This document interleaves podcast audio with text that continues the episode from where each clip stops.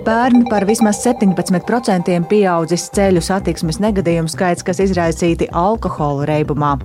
Šādi dati šorīt izskanēja ceļu satiksmes drošības padomes sēdē. Raidījumā pusdiena tūdaļ situāciju skaidrosim plašāk. Rīgas mērs Mārtiņš Staķis sola par pieminekļu likteni galvaspilsētā lemt ar vēstu prātu un uzsver, ka pieminiektu padomas lēmums par to demontāžu ir tikai rekomendējošs.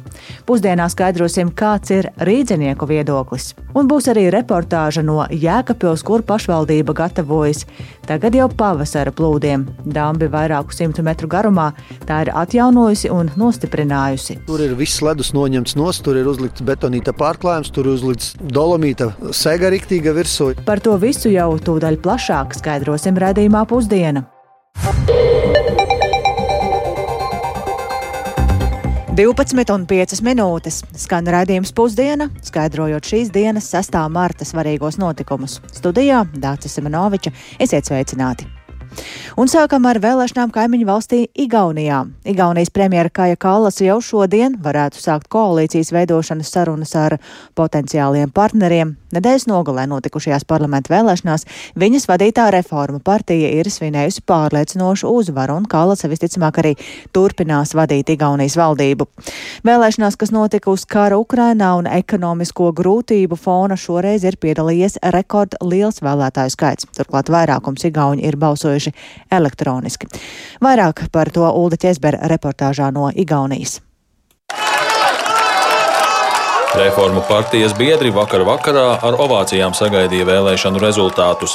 Valdošā partija saņēma vairāk nekā 31% vēlētāju balsis un ieguva 37 mandātus Rīgikogu, kas ir par trim vietām vairāk nekā līdz šim. Reformistu līdere Kaja Kallasa neslēpa prieku par panākumu.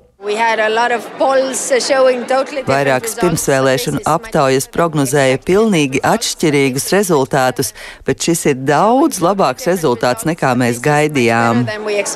Kallasa arī iezīmēja, kādas varētu būt nākamās valdības prioritātes. Mums ir jāveic vērienīgas reformas saistībā ar zaļo pāreju, kā arī jāiegulda savā drošībā. Mūsu agresīvais kaimiņš nekur nav pazudis un nepazudis nepazudīs. Mums ir jārisina arī tādi jautājumi kā reģionālā kohēzija, bet izglītības sistēmai, kas ir labākā pasaulē, ir jāpāriet uz mācībām tikai igauņu valodā, kas arī ir liela reforma.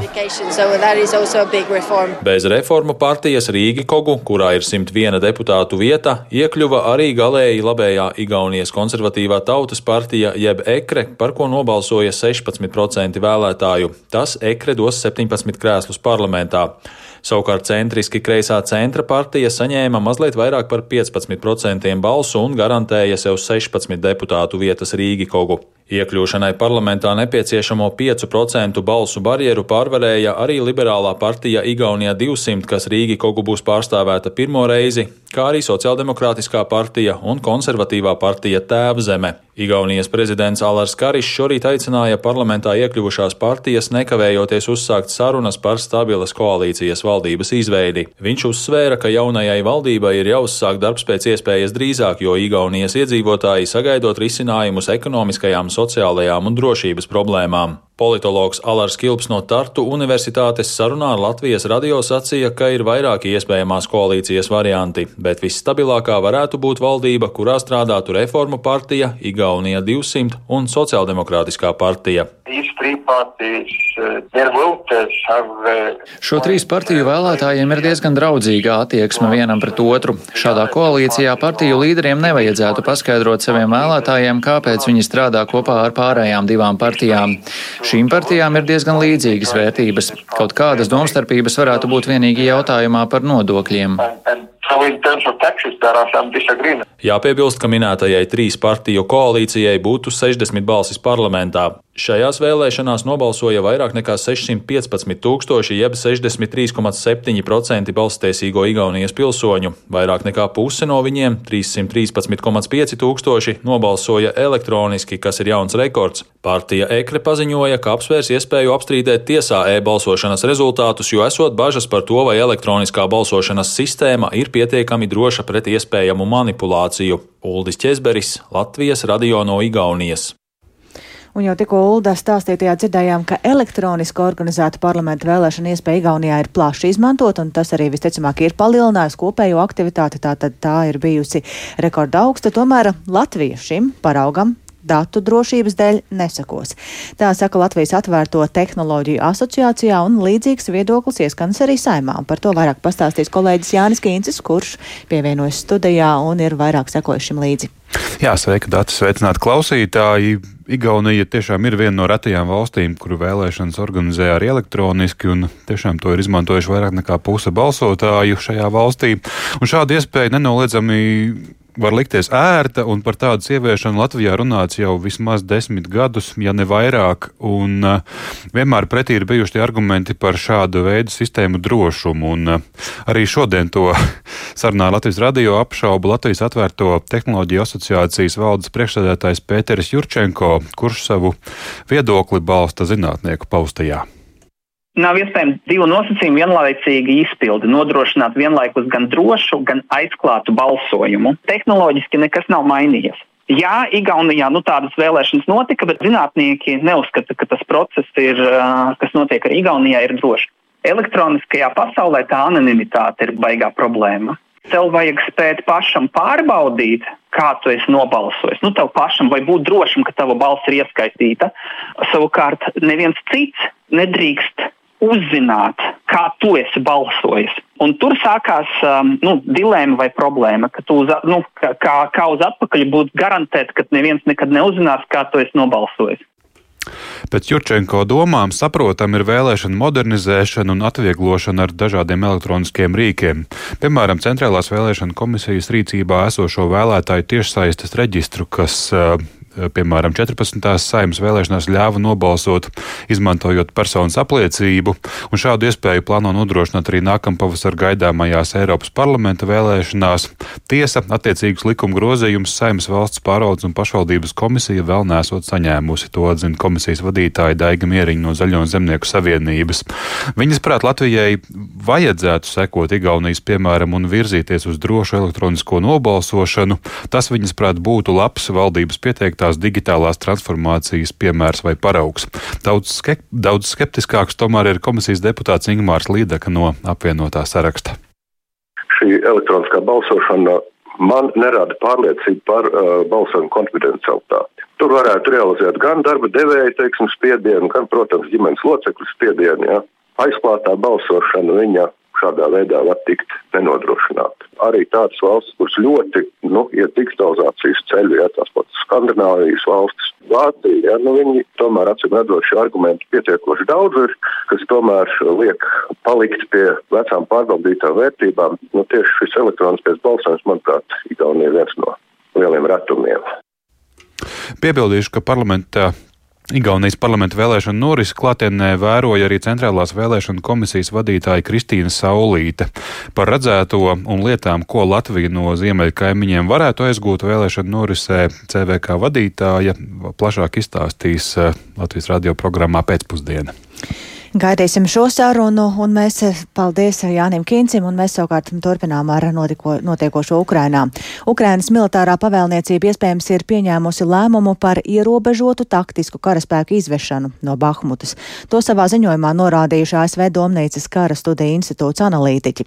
Atbilstoši dažādu avotu ziņām, Krievijas formējumi ir gandrīz aplenkuši Bahmutu, un šo Donetskas apgabala pilsētu Krievi cenšas ieņemt jau vairākus mēnešus. Plašāk stāst stāsta Rihards Plūme. Situācija visā Donbasā un Donetskas apgabala Bahmutā kļūst arvien smagāka, un to ir atzinis Ukrainas prezidents Valdemirs Zelenskis, kurš norādījis, ka cīņa šajā Ukrainas daļā ir sāpīga un grūta. Apņēmība cīnīties gan nekur nav zudusi, kā to atzīst divi ukraiņu aizstāvji. Esam piekusuši, bet vēlme cīnīties un uzvarēt tā nekur nepazūd. Mēs ejam tikai uz priekšu. Dažas naktis neguļam, tomēr ir vēlme aizdzīt ienaidnieku atpakaļ uz Krievijas federāciju, kur viņi var nomirt vai darīt vienalga, ko grib.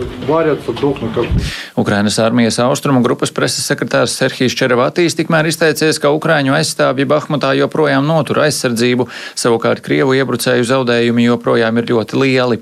Viņš arī piebilda, ka Ukrainas aizsardzība aizstāvjiem joprojām ir iespējams nogādāt munīciju, pārtikas produktus, medikamentus un no turienes aizvest ievainotos. Ukraiņi tagad kontrolējot tikai ceļus, kas ved uz pilsētu no dienvidu rietumiem un rietumiem. Kaujas jau kādu laiku notiek pašā pilsētā, tās nomalēs. Tikmēr Ukrāņu militārais eksperts Aleksandrs Kovaļenko skaidrojis, ka iebrucēju mērķis ir pārgriezt loģistikas artērijas, pa kurām tiek apgādāta Ukrainas armija pilsētā. Tāpat iebrucēji mēģina iekļūt pilsētā no ziemeļu un austrumu virziena, lai sāktu cīņas pilsētā, taču tās nesot Krievijas stiprā puse, uzsvēra Kovaļenko. ASV analītiķi tikmēr norāda, ka Ukrainas militārā pavēlniecība iespējams ir pieņēmusi lēmumu par ierobežotu taktisku karaspēka izvešanu no Bahmutas sakarā ar vietējā dzelzceļa tilta iznīcināšanu, kas iet pāri upē pilsētas ziemeļrietumos. Tajā pašā laikā ir pāragri teikt, ka Ukrainas bruņotie spēki nolēmuši pavisam pamest Bahmutu. Domnīcas kara studiju institūts analītiķi uzsver, ka līdz šim Ukrainas bruņotie spēki ir izvēlējušies pareizo taktisko stratēģiju pilsētas aizsardzībai, jo tādā veidā Ukrainas spēki turpina iznīcināt Krievijas dzīvo spēku un tehniku, kamēr paši necieš pārmērīgus zaudējumus.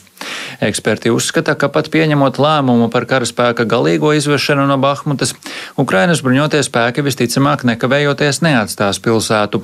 Tā vietā tiks izmantota taktika, kas tika pielietota atkāpjoties no Severodonetskas Lisičānskas virziena, proti pretinieka maksimāla novājināšana ielu kaujās.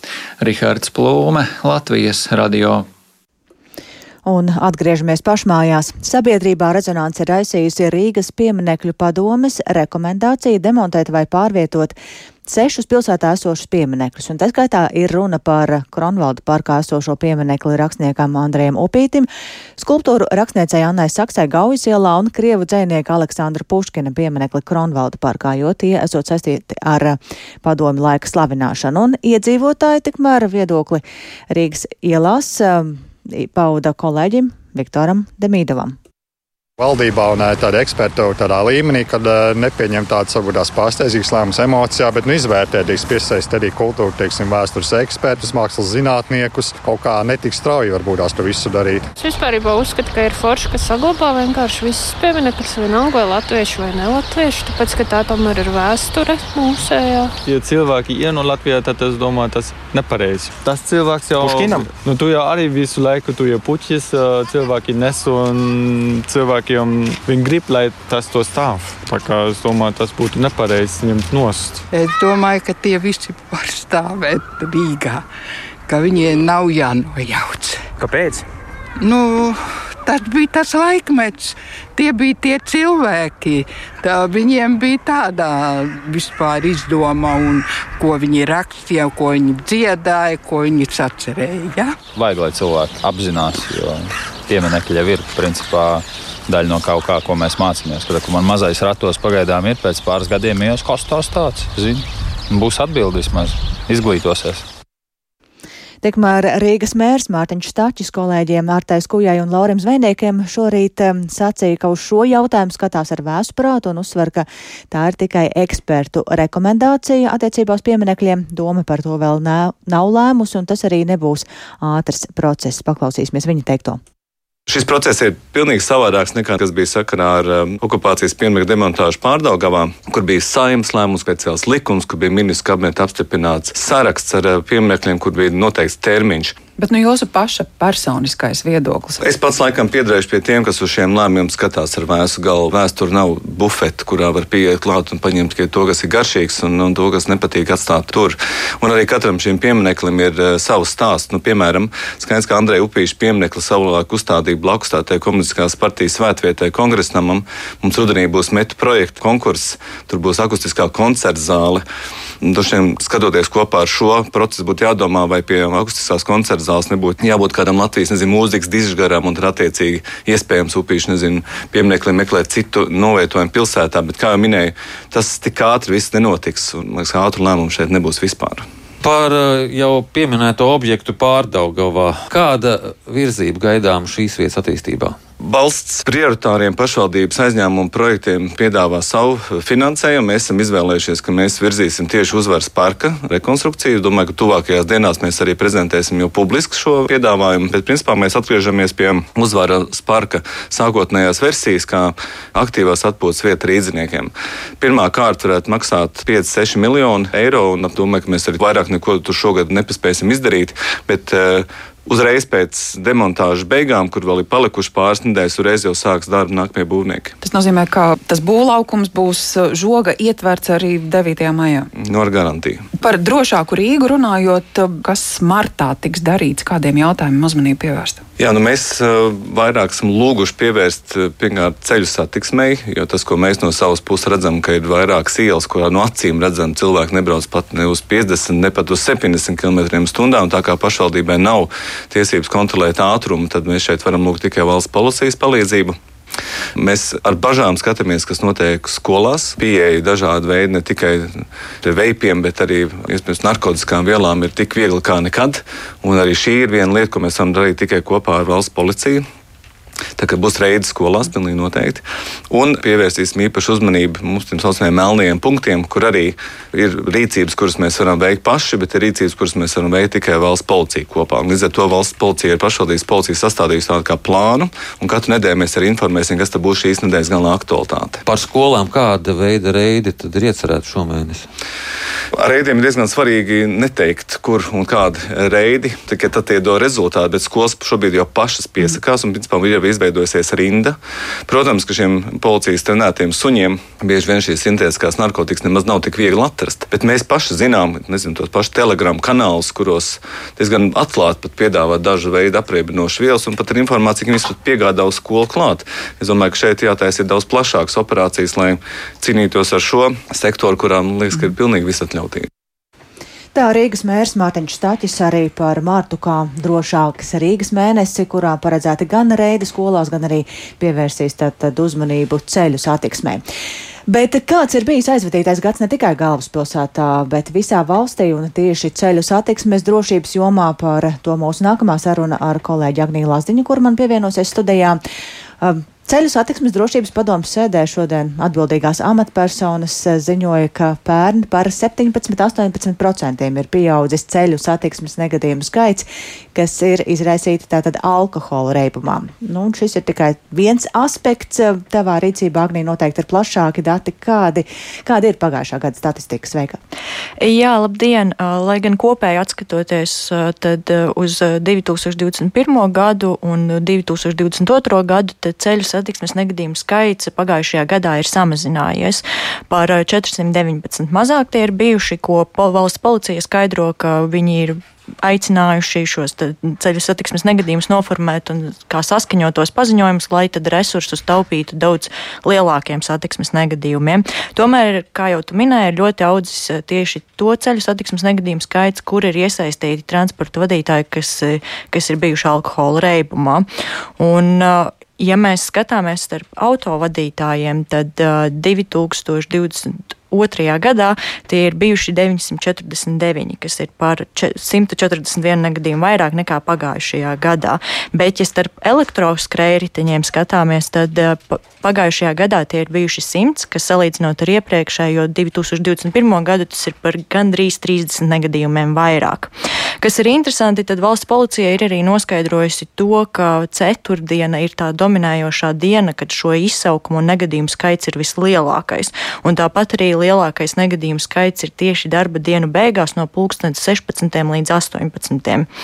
Ja mēs runājam par ievainotiem, smagi ievainotiem bojāgājušiem, tad pagājušajā gadā tie kopumā ir bijuši 115 bojāgājušie.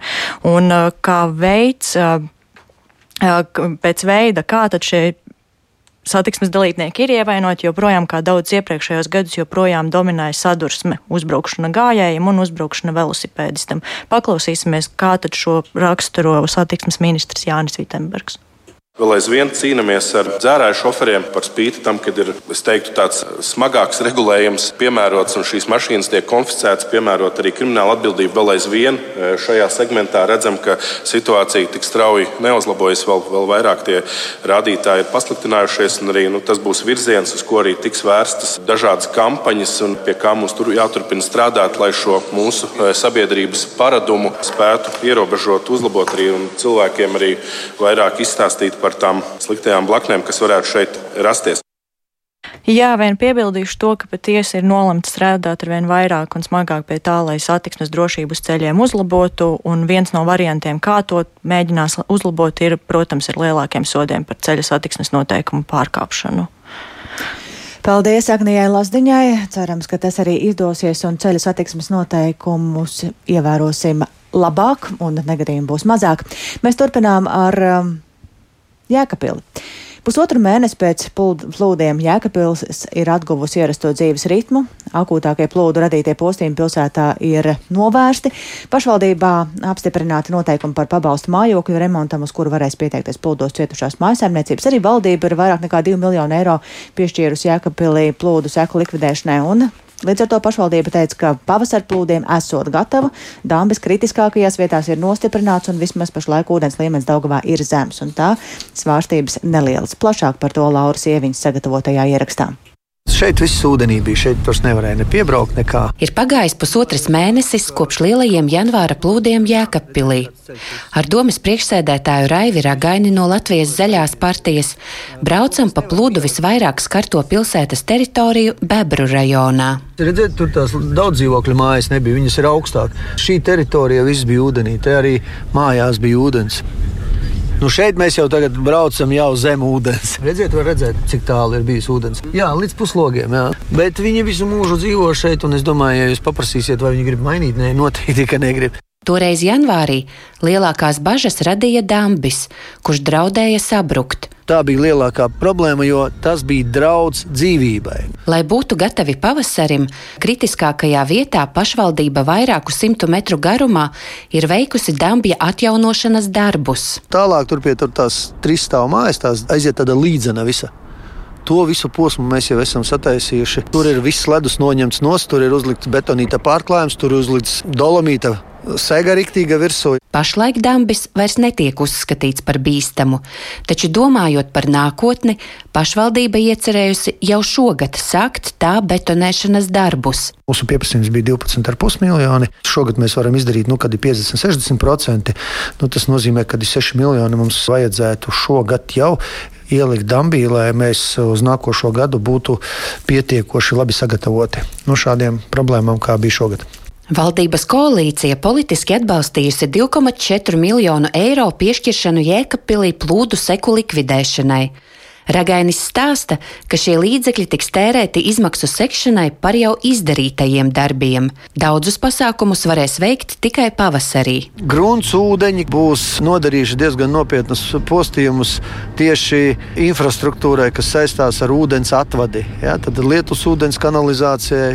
Aizvadītajā nedēļā Jēkabpils novada dome apstiprināja saistošos noteikumus par vienreizēju pabalsta piešķiršanu katastrofas gadījumā, uz kuru varēs pieteikties arī plūdos cietušās maisaimniecības. Plānotais pabalsta apmērs ir līdz 3,5 tūkstošiem eiro. Tās ir 450 maisaimniecības šobrīd, kas varētu startēt uz šo pabalsta veidu. Tāpat plūdos cietušie pašvaldībā var pieteikties uz sociālo pabalstu divu minimālo mēnešu algu apmērā. Šo iespēju jau izmantojušas aptuveni 80 personas. Kas ir, ja ir zaudēta iedzīve, malka, katla māja vai kaut kas tamlīdzīgs? Pabalsta saņemšanai plāno pieteikties arī Pļaviņu ielas iedzīvotāja, kuras māja ir pavisam netālu no Dambja. Mājās nedzīvojām nedēļu. Elektrības nebija, apkures nebija, viss bija aplūdis.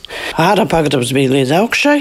Otrs arī 5 cm bija, kur apkuri, apkuras katli un ūdens sūknis. Nu, praktiski viss bija ūdenī, peldēja.